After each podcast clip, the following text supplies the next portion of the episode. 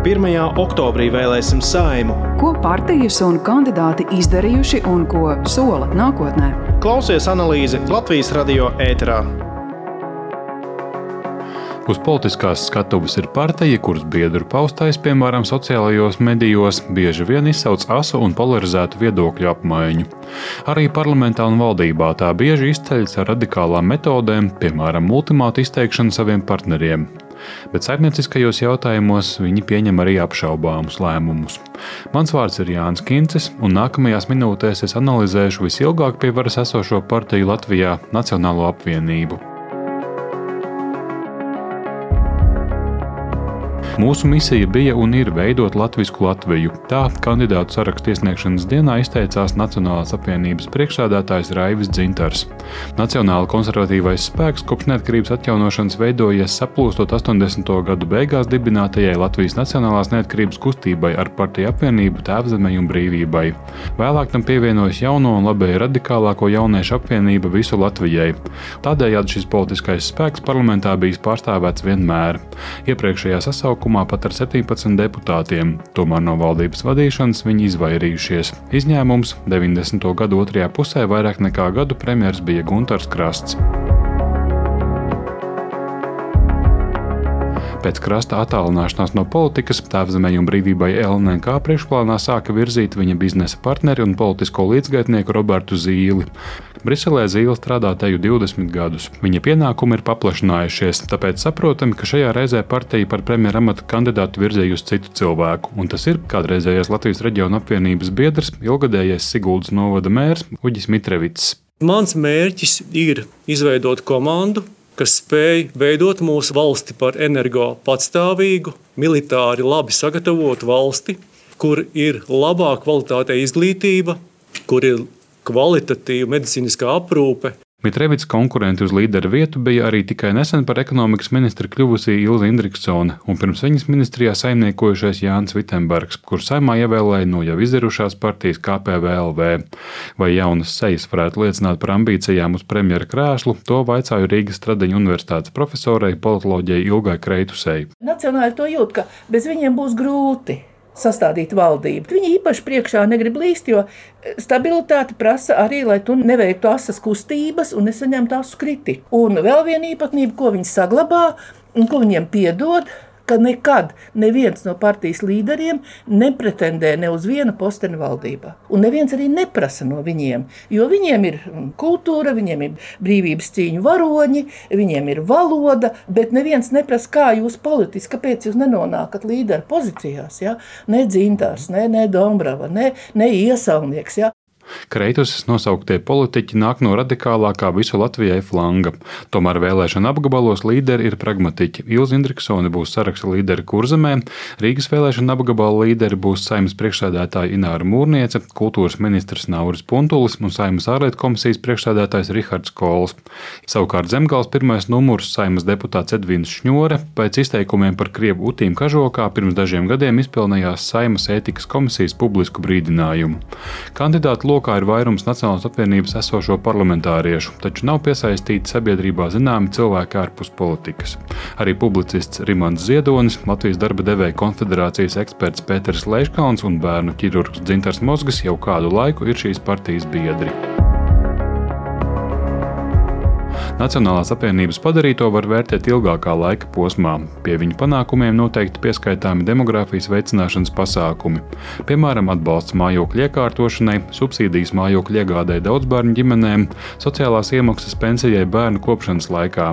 Vienam no partijas līderiem, Imantam Parādniekam, pat tika izveidots īpašs premjerpadomnieka postenis demogrāfijas jautājumos. Trūkumi ir, bet par padarīto šajā jomā ir gandarījums, teica apvienības valdes loceklis Jānis Dombrava. Faktiski nav jau neviens cits, kas ar šiem jautājumiem mērķiecīgi strādātu. Labklājības ministrija to nav darījusi. Premjeras birojas es neticu, ka to būtu spējīgs izdarīt. Mums atsevišķi ministrijas arī nav, nu, kas ir citās valstīs.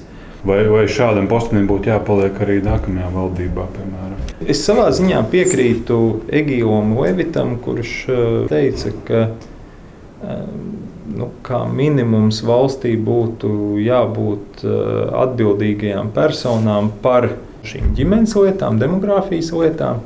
Un par digitāliem jautājumiem.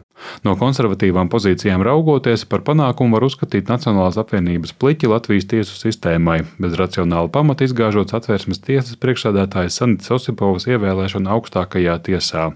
Tādējādi saviem vēlētājiem Nacionālā apvienība parādīja, kā izreikināties ar cilvēkiem, kuri uzdrošinājušies uz priekšu virzīt jautājumu par vienzimumu attiecību juridisko noregulējumu.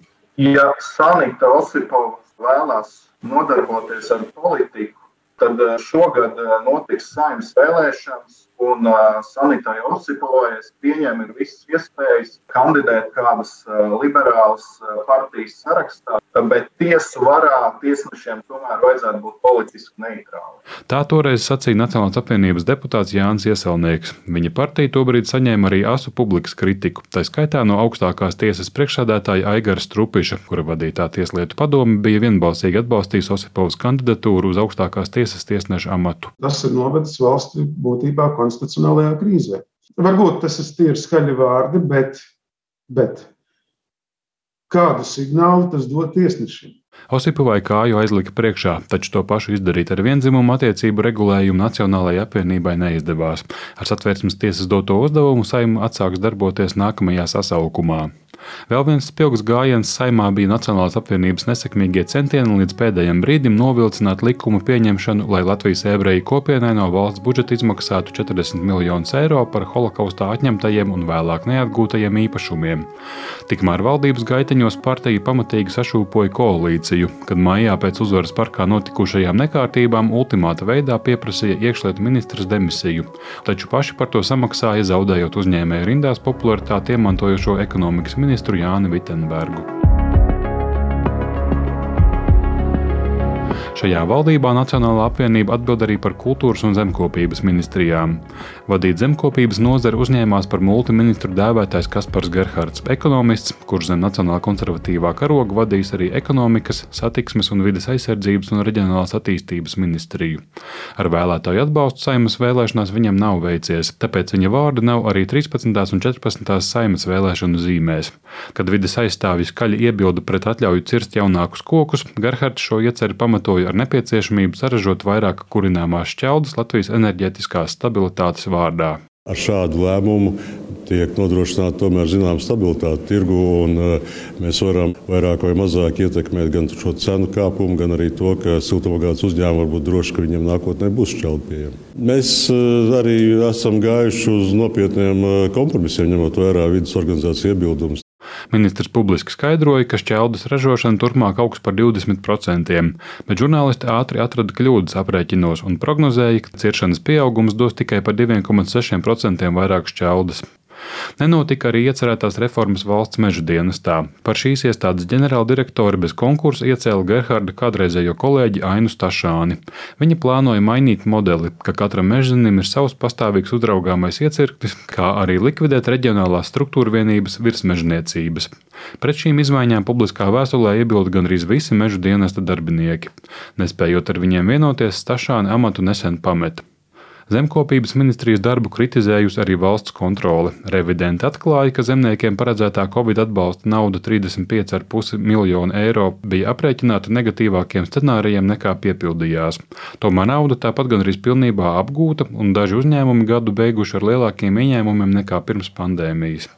Bez skandāla neizpalika arī ministrijas pāraudzībā esošā Latvijas valsts meža jaunās valdes izraudzīšanās. Paskaidrot, kā par valsts otra lielākā uzņēmuma vadītāja kļuva Pēters. Putniņš, kurš vēl nesen tika padzīts no Finanšu kapitāla tirgus komisijas, lai noņemtu šaubas par naudas atmazgāšanas piesakšanu, prasīs arī premjerministrs. Nozars ministrs šo procesu dēvējis par caurskatāmu, taču no šī jautājuma norobežojies. Tas bija paredzami, vērtē profesora Ilga Kreitusa. Šis Gerharda kunga neveiksmes, viņš nesaista Nacionālo apvienību. Klusēji, kā tas viņus neskar. Redziet, tā ir zināma māka un zināma tāda viltība un prasme, kāpēc var noturēties politiskajā virtuvē visu laiku. Pandēmijas laikā daudz diskutēts par covid ierobežojumu politiku. Vienā svara kausā bija sabiedrības veselība, bet otrā - uzņēmēju un valsts ekonomikas izdzīvošana. Viena no ierobežojumiem - ilgāku laiku veikalos iegādāties tikai pārtiku un pirmās nepieciešamības preces - toreizējais ekonomikas ministrs Jānis Vitsenbergs atzina par kļūdainu. Turpmāko divu nedēļu laikā šāda iespēja varētu būt, ka cilvēki var nopirkt gan sēklas, par ko ir daudz jautājumu sociālajos tīklos, gan darba rīkus pavasara darbiem. Mēs izlīdzinām šīs iespējas, jau un iespējas gan cilvēkiem iegādāties visus šos nepieciešamos produktus, gan uzņēmumiem strādāt visiem vienādos apstākļos. Demisijas priekšvakarā Vitsenbergs gan izpelnījās atbalstu no uzņēmēju organizācijām. Tas neskatoties uz novēloto atbalstu, īpaši Covid otrajā vilnī.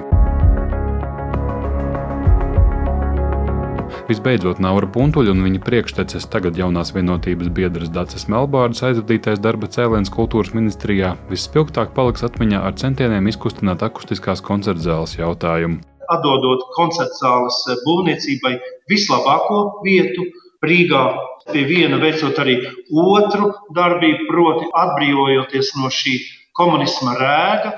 Puntuls karsti aizstāvēja ideju koncertzālē paredzēt vietu bijušā komunistiskās partijas nama vietā Elizabetes ielā, taču šo ideju noraidīja arhitekti, kuri pierādīja nojaucamās ēkas vēsturisko vērtību. Pirms tam kā nesamērīgi dārga noraidīta arī iespēja koncertzāli būvēt AB Dambī. Šobrīd valdība un Rīgas doma vienojušās koncertzāles vajadzībām pārbūvēt kongresu namu. Līdz ar to koncertzāles projekts vairs nav atrodams Nacionālās apvienības vēlēšanu programmā. Tur izcelta dziesmu svētku kustības veicināšana un saglabāšana. Kultūras ministrijas plānos bija arī sabiedrisko mēdīju apvienošana 2024. gadā, kas gan termiņa dēļ vairs nešķiet reāla.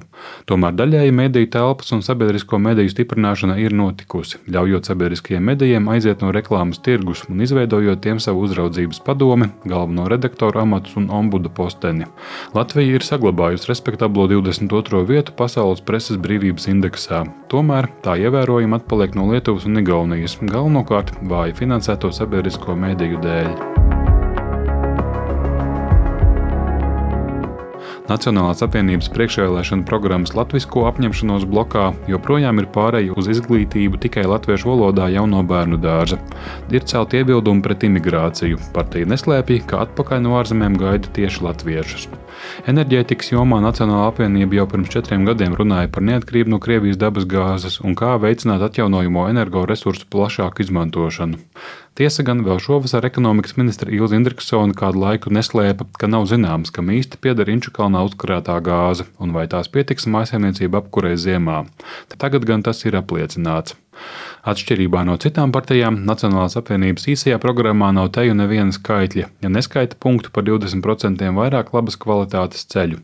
Ir solījumi par senioru labklājības celšanu, samazinātu pievienotās vērtības nodokļu likmi Latvijai raksturīgiem pārtiks produktiem un ēdināšanas nozarei.